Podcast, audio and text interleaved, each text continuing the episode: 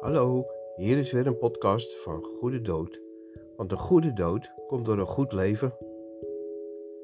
Vandaag gaan we eens kijken naar kerst en de goede boodschap. Wij gaan niet de straat op om mooie woorden te spreken, om religie te promoten. Nee, religie is er al genoeg. We komen u vertellen van het echte radicale evangelie. Jezus Christus bracht ook opschudding overal waar hij kwam. Hij was er niet in betrokken zoete broodjes te bakken met religieuze leiders of zo. Hij kwam voor redding, genezing en vergeving van zonde. En dat is nog niet veranderd, want God verandert niet.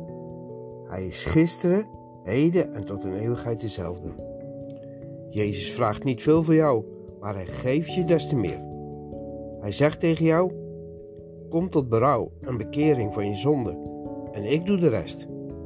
Ik zorg ervoor dat jij de hemel haalt als jij mij volgt.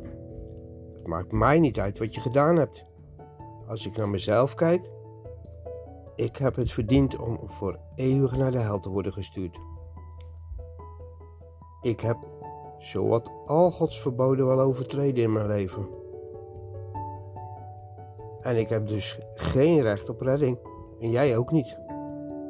En toch wil Jezus dat doen, jou redden. Hij staat met uitgestoken hand te wachten tot jij die grijpt. Doe het. Doe het nu. Wees niet bang. En kijk niet naar wat anderen doen. Dit gaat om jou.